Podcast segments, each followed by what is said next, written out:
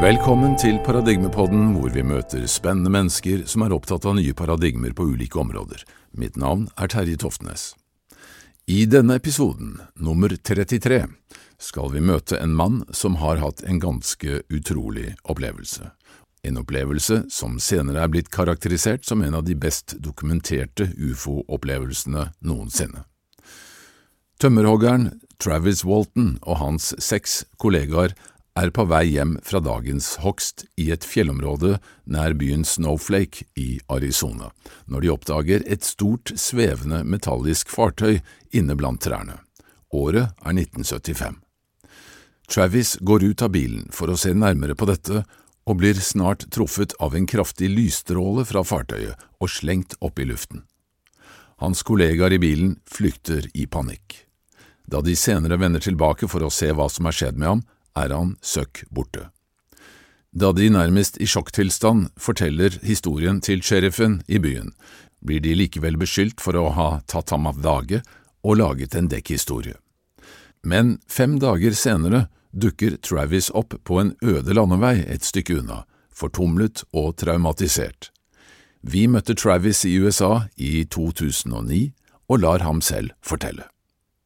Well, I'm Travis Walton. Um, I'm still living in Snowflake, Arizona, a place where I was living when the incident happened. I recently retired uh, from the paper mill uh, near there. And uh, at the time that this happened, what was your occupation then? Um, when this happened, I was uh, cutting trees uh, on a Forest Service contract in northern Arizona. There were seven of us. It was November 5th, 1975. And how old were you then? I was 22 years old at the time. And uh, the seven of us uh, loaded our chainsaws into the truck and we were headed home. And uh, we had been working in the forest, uh, working late. And so it was starting to get dark. And we were headed home. And we hadn't gone very far when we saw this strange light coming through the trees. Uh, when we finally got where we could see the source of the light, uh, we saw this uh, glowing metallic object hovering less than 100 feet away. It's unmistakable. And, uh, and how many of you were in the car then? There was seven of us altogether, um, the, the crew boss and six crew members. And I got out of the truck and uh, went uh, to get a closer look at it, thinking that it would uh, take off before I got too close. But um, that didn't happen. As I got closer, it suddenly uh, got louder and started to move. And so I ducked for cover behind a log. And uh, when I mm, raised up to go, um, I felt a shock and uh, blacked out. But the crew said that they saw a blast of energy come out of the craft and hit me that uh, sent me flying so violently that they thought that it had killed me. And uh, so naturally they, they took off thinking that they were next. And so they went a ways, uh, went to where they thought they were safe, and uh, then they spotted some deer hunters and uh, tried to catch up with them to uh, uh, maybe get them their weapons, their guns, to, and to go back with them to see if the, they could uh, save me. But um, they were unable to catch up with the uh, deer hunters, so they decided they had to return. All of them went back and uh, made a search of the area and were unable to find me.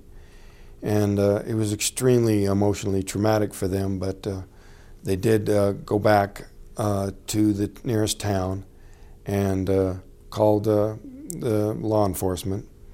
And the sheriff and his men came and interviewed the men.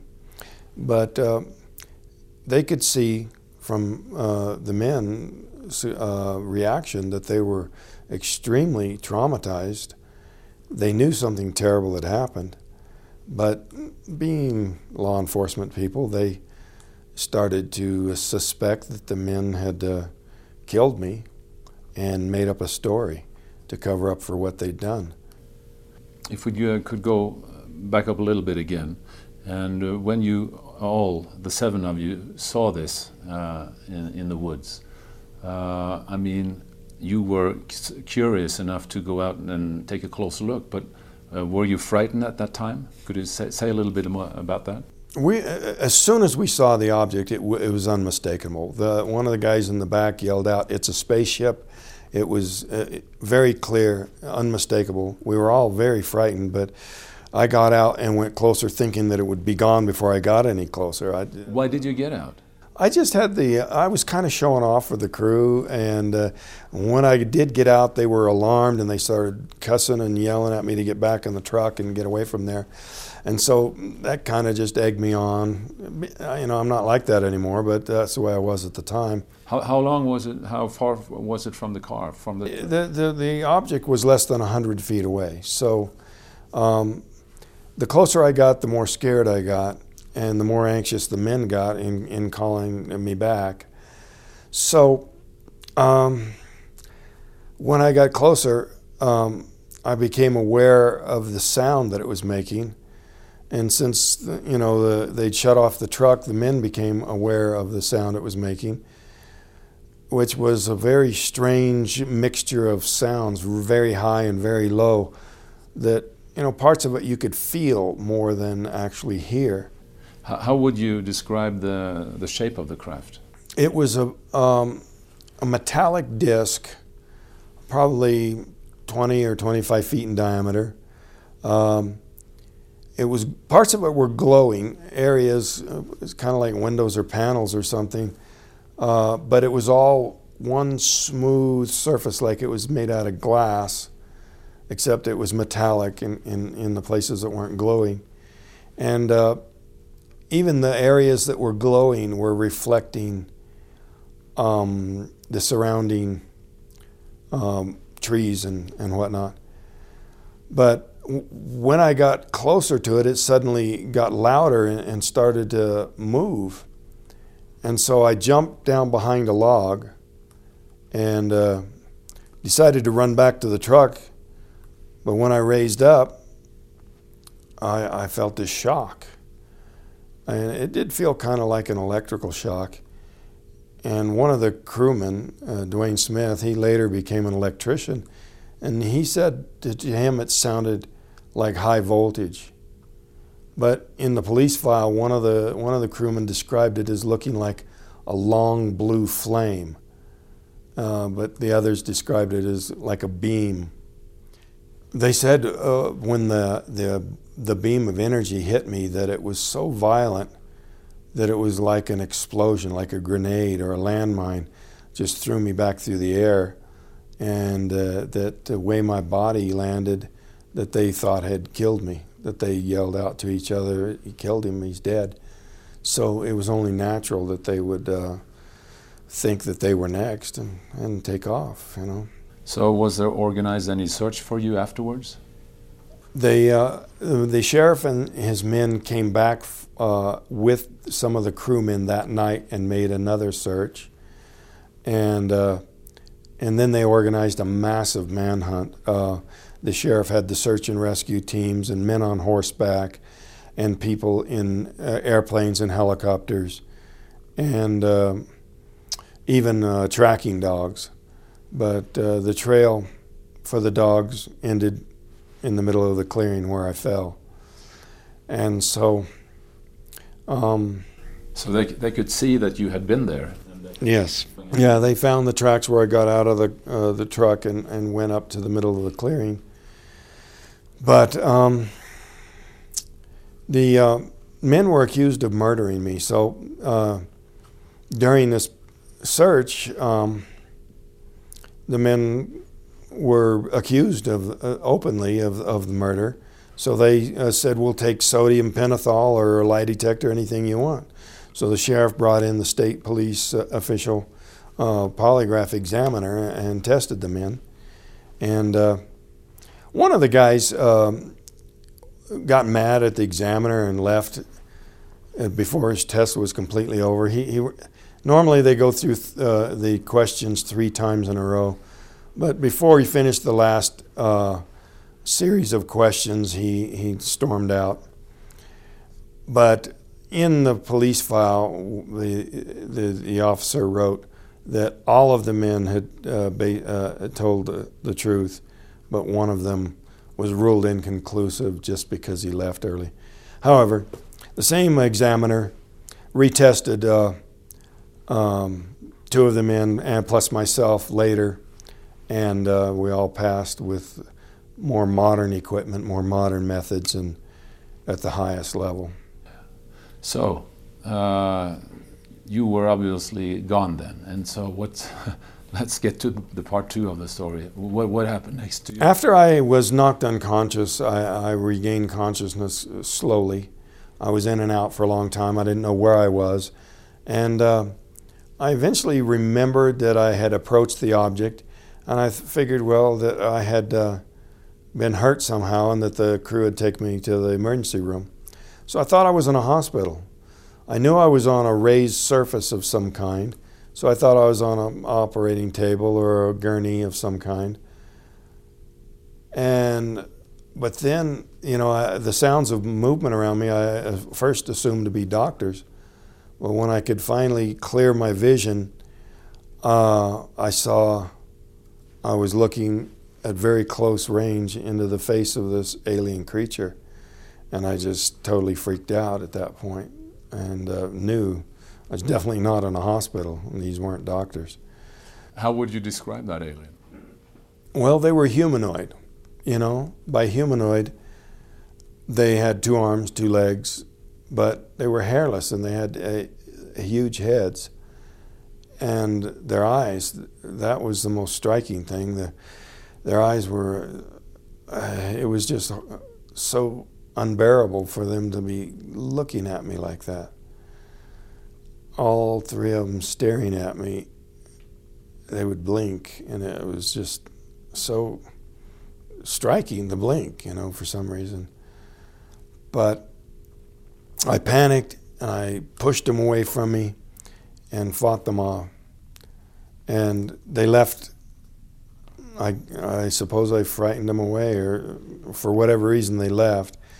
And um, there was no communication no communication. I, uh, it was a one-way street. I was communicating to them, yelling threats and you know questions like "What are you?" But uh, there was no response, and uh, not even any kind of mental signal that I could discern because I was in such.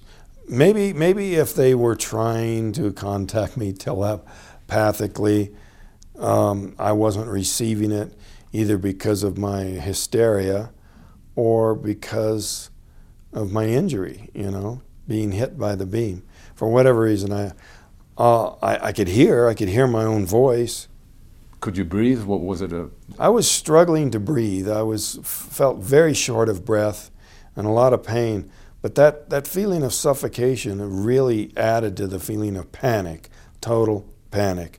I just lost it, and I never really recovered from that before they knocked me out. Uh, so you would say that there was a normal atmosphere, breathing atmosphere in there? There might have been normal atmosphere, and the reason that I was struggling to breathe was because of an injury, or it might have been a mixture of gases that just didn't have enough oxygen in it or whatever for me. But for whatever reason, I felt like I was suffocating. And I know that when I was removed uh, from the craft, that the air seemed cooler and easier to breathe. So there was some relief from that. So it might have been the wrong mixture of gases. But then you, they left, you said, and then what happened then? Well, I was trying to find a way out. I was pushing buttons to try to open a door, and that was not successful. Probably a good thing because it probably, the craft probably was not, as I assumed, still hovering uh, above the ground in the woods. Uh, so when a when a man came uh, that I took to be human um, uh, came in to take me out of there, I was only too happy to go with him. And the fact that he was wearing a helmet is probably significant. So he was probably protecting himself from the atmosphere or maybe possible infection. I don't know.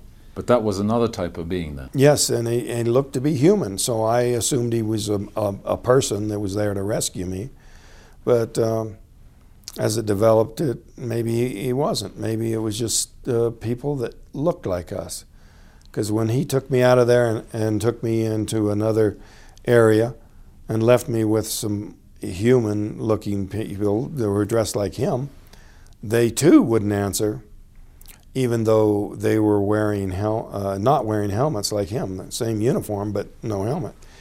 Um, so when they tried to push me down on the table, uh, I, I started resisting because uh, I was realizing then that maybe they weren't there to rescue me. But this was, excuse me, this was uh, still inside the uh, the craft. No, I was taken outside of that craft, uh, which was at this point parked inside of this large hangar-like enclosure, maybe a building, maybe part of a larger craft. I don't know where. Did you see other craft in that hangar? Yeah, there were there were other craft in there, and but of a different configuration. They were less angular.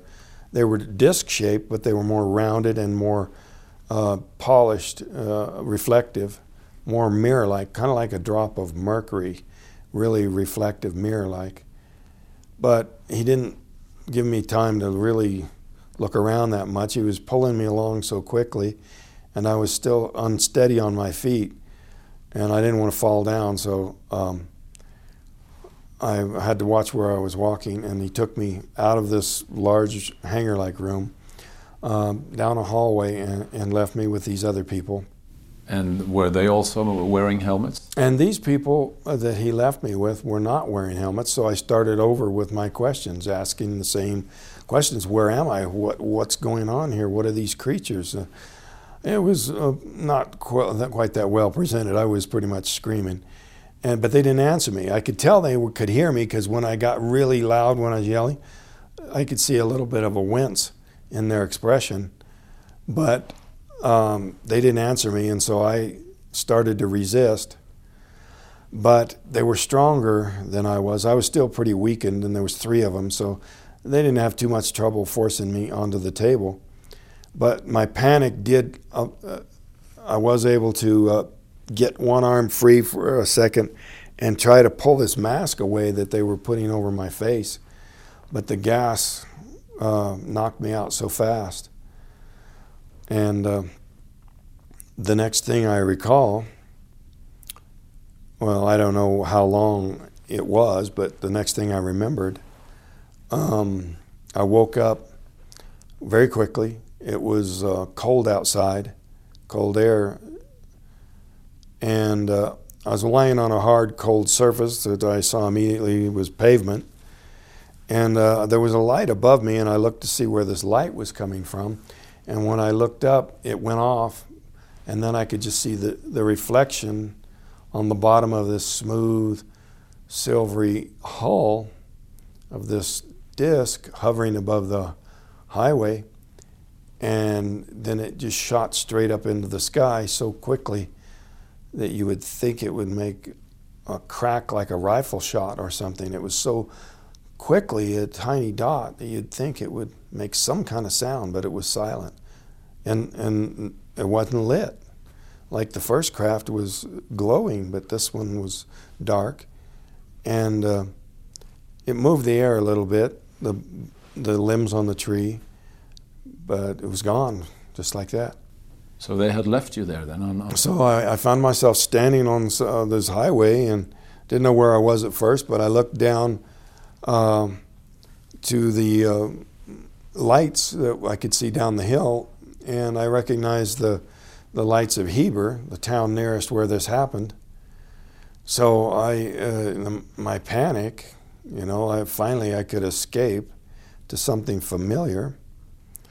And so I ran down across the bridge and uh, I went to the first building with lights on. There was smoke coming out of the chimney, and I pounded on the door, but nobody came. So I ran down across the next bridge, and I came to a row of telephone booths at a service station. And uh, the first one was out of order, but the next one I was able to call my brother-in-law and uh, for them to come and get me. And at first they thought I, it was a, a prank call because the family had been getting a lot of phone calls. But um, he almost hung up on me, but I was able to convince him it was me. and told him where I was, and they came to get me. And I was in pretty bad shape. Uh, it became evident from things that were said there that uh, that I was thinking that this was still the same night because I only remembered a little bit of time, but five days and six hours had gone by. And my brother said, "Travis, feel your face." And I had a, a, a five-day growth of beard, and, uh, and I looked at my watch. The date had changed, and it was just quite a shock that kind of finished me off. And so I just kind of. Uh, so you were gone for five days. Yeah, it was quite a shock that that I was gone for so long. But but. Um the previous uh, four days then? You, you couldn't remember anything? Yeah, at that point I could not remember any of the intervening time. So, you know, for a long time after that, I worried about what they might have done to me, you know, because in that first room where I woke up, I saw all these instruments laying there. I, I wondered what they might have done to me with those instruments. Uh, or was there going to be some after effects from the beam hitting me or from breathing some strange atmosphere or maybe some unknown type of infection or something? But uh, didn't turn out that way, other than the signs of stress and lack of sleep during the weeks and months. I was uh, okay. You know, I had a whole battery of medical tests and everything uh, panned out normal, and uh, I've been pretty healthy ever since. So. But what was the reaction from uh, the rest of the team when when you suddenly turned up again? Well, the crew was naturally was quite relieved because, uh, and even though we weren't really buddies, you know, that's one a misconception that people had that we knew each other all that well. But some of the guys were on the crew only a few days. We were a group of people that were together for the purpose of work, and I didn't really socialize with most of the crew off the job. But they were naturally quite relieved that I was back, and there was proof that they had not murdered me. And it was kind of strange the reaction uh, from people who didn't want, they wanted to explain it away any way they could. So they grabbed at the idea of murder at first, then they grabbed at the idea that this was all some kind of delusion. But, you know, seven people don't have an identical uh, hallucination. And, uh, um, you know, it was a traumatic experience that we all went through. But, you know, once we didn't have the job anymore, we didn't have any real reason to to be together that much. Although I have, you know, heard from some of the crew more in recent years. Um, it's uh, this coming November. It will be 35 years since that happened. But all the all the, the guys in in your crew, they uh, they confirmed uh, the story the same way that you told it. Everyone on the crew stands by what we saw to this day. This really happened. Some of the men were retested by polygraph examiner using some of the most modern equipment and methods and passed again. So altogether now there's been like 15 or 16 polygraph tests passed in, in relation to this. And uh, so there, every, every theory that the skeptics have come up with in my book, I've addressed each and every one of them and point people in the direction of verifiable documents and other experts who uh, can completely, uh, totally uh, rebut every single charge that the skeptics have made. It, uh, nothing uh, that they say stands up to scrutiny. This really happened. Uh, were there any other witnesses to the, the lights or to the seeing the? In later years, we were able to get access to the police file, and uh, several people had written statements to the police that they had been in the area and seen this thing from a distance. And uh, one person came forward at quite a late date, not to the sheriff, but to me at first, that he had been there deer hunting and uh, had seen uh, this event from the, the, next ridge as best he could through the trees. And uh, he uh, said that he hadn't reported it uh, at the time because he was in military intelligence. So he asked his superiors, should he come forward, because the men were accused of murder, and he was told that unless they were actually indicted, that they, he should stay out of it. And so he never came forward, he said, and that he regretted not coming forward uh, to tell about what had happened.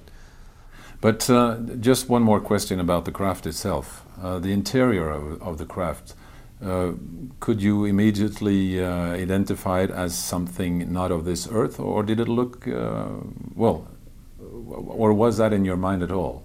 Well, um, most of the surfaces were just a matte, metallic sort of look. Uh, I couldn't see, I never noticed any screws or welds or any like familiar fasteners like a bolt or a rivet. So, um, did you see any control panels? Uh, I, I, did see buttons, and they were like buttons, and there was a screen, sort of like uh, a computer monitor, but there were no characters or letters that I would recognize as being a number or letter or anything like that just some black lines with little segments that sort of changed in relation to each other, forming different shapes, and they would sort of move up and down, but I, I couldn't see any um, numbers, numbers or letters. And and the hangar that you were in, did that look Earth-like or? Um, there, the, it, it, was reminiscent of a hangar in there because of the curvature of the ceiling and, and the panels that might have been translucent. But it's possible that this was some technology far beyond. The surface was kind of like a, uh, a pavement, a rubbery kind of pavement. But it wasn't dirty, it was pretty clean, and there were no like oil spots on the floor or tire tracks or anything like that. So. And the people uh, that you, or the, the human looking people, what kind of outfit were they wearing? The human looking beings were wearing a blue coverall, which I would call a uniform since they were all dressed alike, but there was no military insignia or anything on them that would indicate anything.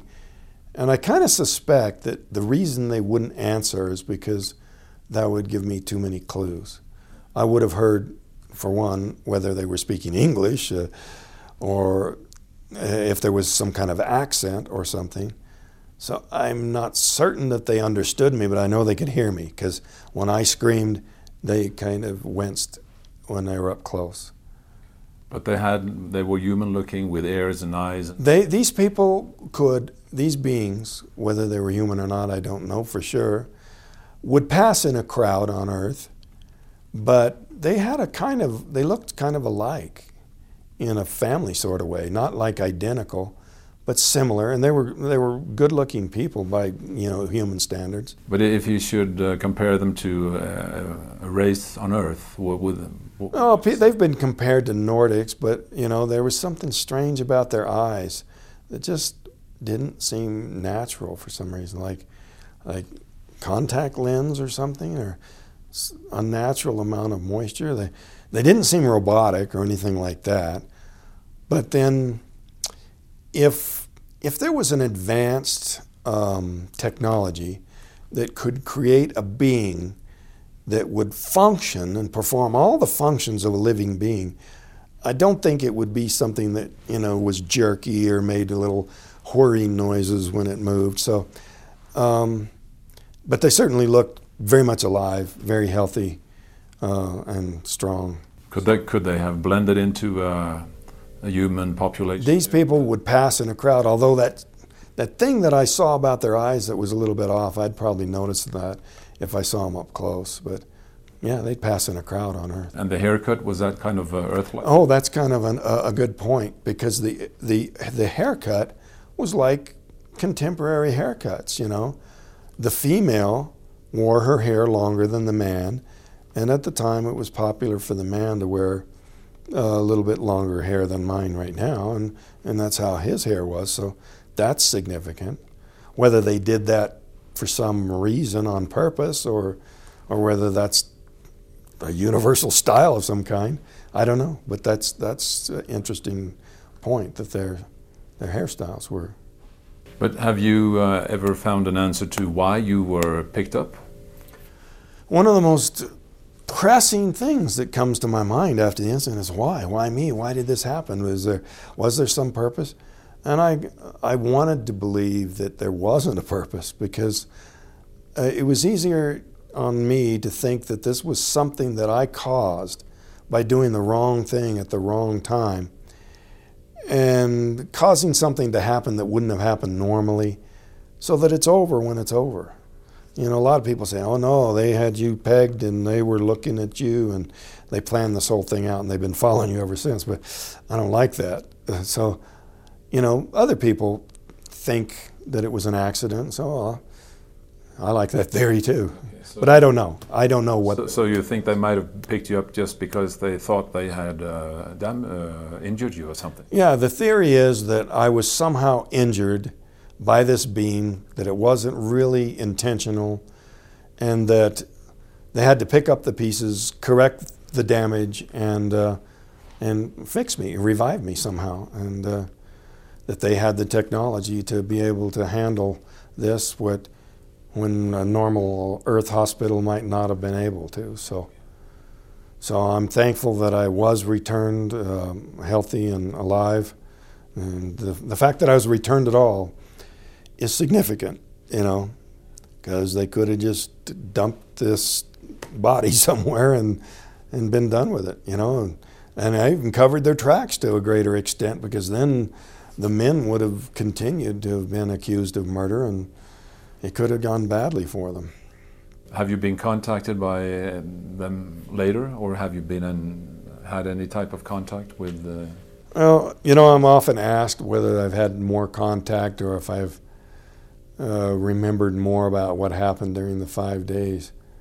But, you know, uh, I, I decided that, you know, if, if anything more was to happen, that I wouldn't come forward. You know, people compliment me uh, for having the courage to come forward, but I, I don't really deserve that because by the time I was returned, it was worldwide news, and you know, they were coming to me. So uh, I, I, don't deserve the compliment of of having the courage to come forward. It was a matter of defending myself against a whole lot of uh, accusations, and, or at least uh, responding to requests for interviews. And so um, I just prefer to leave it at that. You know that. But but this case, I mean, it's. Um it's such an obvious case, and there are several witnesses uh, to what happened. So I would believe that uh, scientists or military uh, investigator, investigators would have been extremely interested in, in uh, getting more information from you. Have you been uh, in contact with people like that who were positively interested in, in doing a, an investigation on your story? I was surprised at how little some of the uh, uh, little interest some of the researchers had in things that uh, were pretty profound. Traces of uh, ozone, changes in the atmosphere at the site, um, magnetic readings that were way off the charts, uh, even a polarity reversal uh, in the direction the craft had left. So, so that was measured afterwards? That was measured afterwards. And uh, there was a, a lady uh, that I found out later was working in one of the fire watch towers nearest uh, where this happens. They build these big towers up on the high ridges to spot fires during the fire season. And they, you know, get up there with binoculars and they watch. And if they see smoke, they call call in crews before the fire gets going very far. And um, I was told today that this lady uh, had seen the lights and the flash and the, uh, everything that happened there. I didn't know that, but she had told me that uh, she was working there the following fire season and that the uh, federal uh, group of men came through with these magnetic uh, instruments and we were doing mapping of the area of magnetic readings. And I thought that was significant since the, uh, the UFO researchers had found these unusual readings right at the clearing, where, right where the craft had come down. And uh, found out uh, 17 years later that there was a, um, a, dramatic change in the growth rate of the trees right nearest where the where the craft had come down. Um, and this wasn't due to any sort of uh, clearing or logging or thinning that was going on because the clearing was a clearing, so there was no trees to uh, to remove that would increase nutrients to the trees there, and it was near the crest of the ridge, so there was no uphill for more water to come down. So, testing the trees, this effect of this rapid growth was greatest in the trees nearest where the craft descended, and uh, was absent the farther you got away from that site. Uh, so um, it apparently had something to do with uh, the craft uh, descending right there, and this was only discovered 17 years later. And the, the proof is in the growth rings of uh, core samples taken from these trees. Um, and there's uh, that, that these samples have been sent to laboratories, so that's ongoing research. Ja, historien om denne bortføringen er ganske unik, og den fikk snart stor oppmerksomhet i flere medier i USA. Travis skrev senere også en bok om opplevelsen, The Walton Experience. Etter hvert kom også Hollywood på banen og ville lage film om dette, men i kjent Hollywood-stil måtte historien sprites opp, blant annet med skrekkinngytende beskrivelser av hva som skjedde inne i fartøyet, noe som overhodet ikke stemte med Travis' originale opplevelse. Så filmen Fire in the Sky fra 1993 fikk en ganske blandet mottagelse. What would you say about the movie that was made for uh, the Hollywood production? Well, when I first found out that the movie was going to depart from what really happened, I was very disappointed. The script that I was given didn't even contain the uh, part aboard the craft, so I learned at a pretty late date that they had made some pretty dramatic changes from what happened. But I had already started writing letters about some of the fictionalizations, uh, you know, protesting them to the studio. And I, I, I might have got them to back off on a little bit of that, but the main effect there was just to, you know, sort of alienate the, the production crew from me. And, and so I, I realized that I had no power, uh, no legal power to to force them to stick to the story. So uh, I had to accept what they were doing. And uh, as time went on, um, the, the, my original hope in doing the movie at all was that people would uh, get a chance to live through the kind of emotional experience that we had, you know, uh, living through this at the time. And um, although they did change things, it, uh, I have to be satisfied with the fact that people do leave the theater with the feeling that uh, we had when we lived through it. So um, I wish they had stayed uh, with the story exactly as it happened. And maybe someday there'll be a remake in which that happens. But overall, I have to say that the overall effect was positive and that it did create in people an openness to take a look at the evidence and the facts that I've put down in the book, and it's all documented. And uh, if I could uh, achieve that, you know, get people to take a close look at the facts, then then it's had a good effect. So one last question: What is your uh, personal uh, view on the whole UFO situation and and, and the fact that uh, that these things are obviously kept from the public? Overall, you know, there's a huge uh, thing going on here uh, that is widely known that, that, you know, with the people, the general population, that these things happen. I do think that there's uh, uh, several phenomena going on here, and not all of it is on the same order of what I experience. I think there's also a sort of a psychosocial phenomena going on that's uh, not at all anything like what happened to me. But there's a core reality here that needs to be taken seriously. This did happen. These kinds of things do happen. And uh, it would be nice if uh, the uh, government agencies that are aware of the, the truth about this would come, come forward. But I think they've probably painted themselves into a corner. They've done too much covering up. To reveal that now would probably be too incriminating. So, it would take some kind of a major event like a crash in a, in a populated area or some government official going rogue and revealing things for them to come clean because they're right now they're they're covering for themselves and and I don't think our desire uh, from the public in, in, demanding that they come out with this is is likely to move them unless something else can uh, pry it loose. But I, I wish the uh, uh disclosure people all the luck in the world. I hope they can uh, get uh, get a break somewhere there. And you are convinced yourself that these were actually extraterrestrials and not of Earth origin?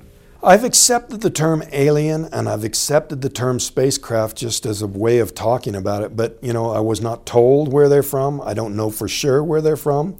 You know, the possibility that this could be uh, from the past or the future or another dimension or a creation by some Earth agency, you know, it, or even some mind control experiment by the government, you know. Uh, all that's possible, but the most likely explanation is that this is something from another planet because it's clear now that at this at the time that this happened, we knew of no planets outside of our own solar system. Now they know of hundreds. And so it's obvious that there's so many planets so similar to Earth that that it's it's almost a given that there's going to be other intelligence elsewhere, and uh, we want to go out there. So why wouldn't they want to come here? And uh, the skeptics can try to place the limitations of our crude technology on these beings, but they might be a thousand or hundreds of thousands of years ahead of us to where their technology would look like magic in many ways to us. So, um, yeah, it's very, very likely that what's coming here is extraterrestrial. And, and it needs to quit being perceived as being this sort of. Uh, paranormal, semi magical monster sort of thing. It, you know, one day it may be that these are just going to be those really strange people from way over there that we don't know anything about. And uh, uh, maybe we need to get past all that, but we got a long ways to go. Uh, could you say a little bit how this has influenced your life and, and your view on reality? After this happened, you know, it had a, an impact on my life. It just changed everything. Nothing was ever going to be the same. It's hard for me to know how my life would have gone because I didn't go down that road. But it's just changed everything and it's really broadened my, my thinking about the whole big picture.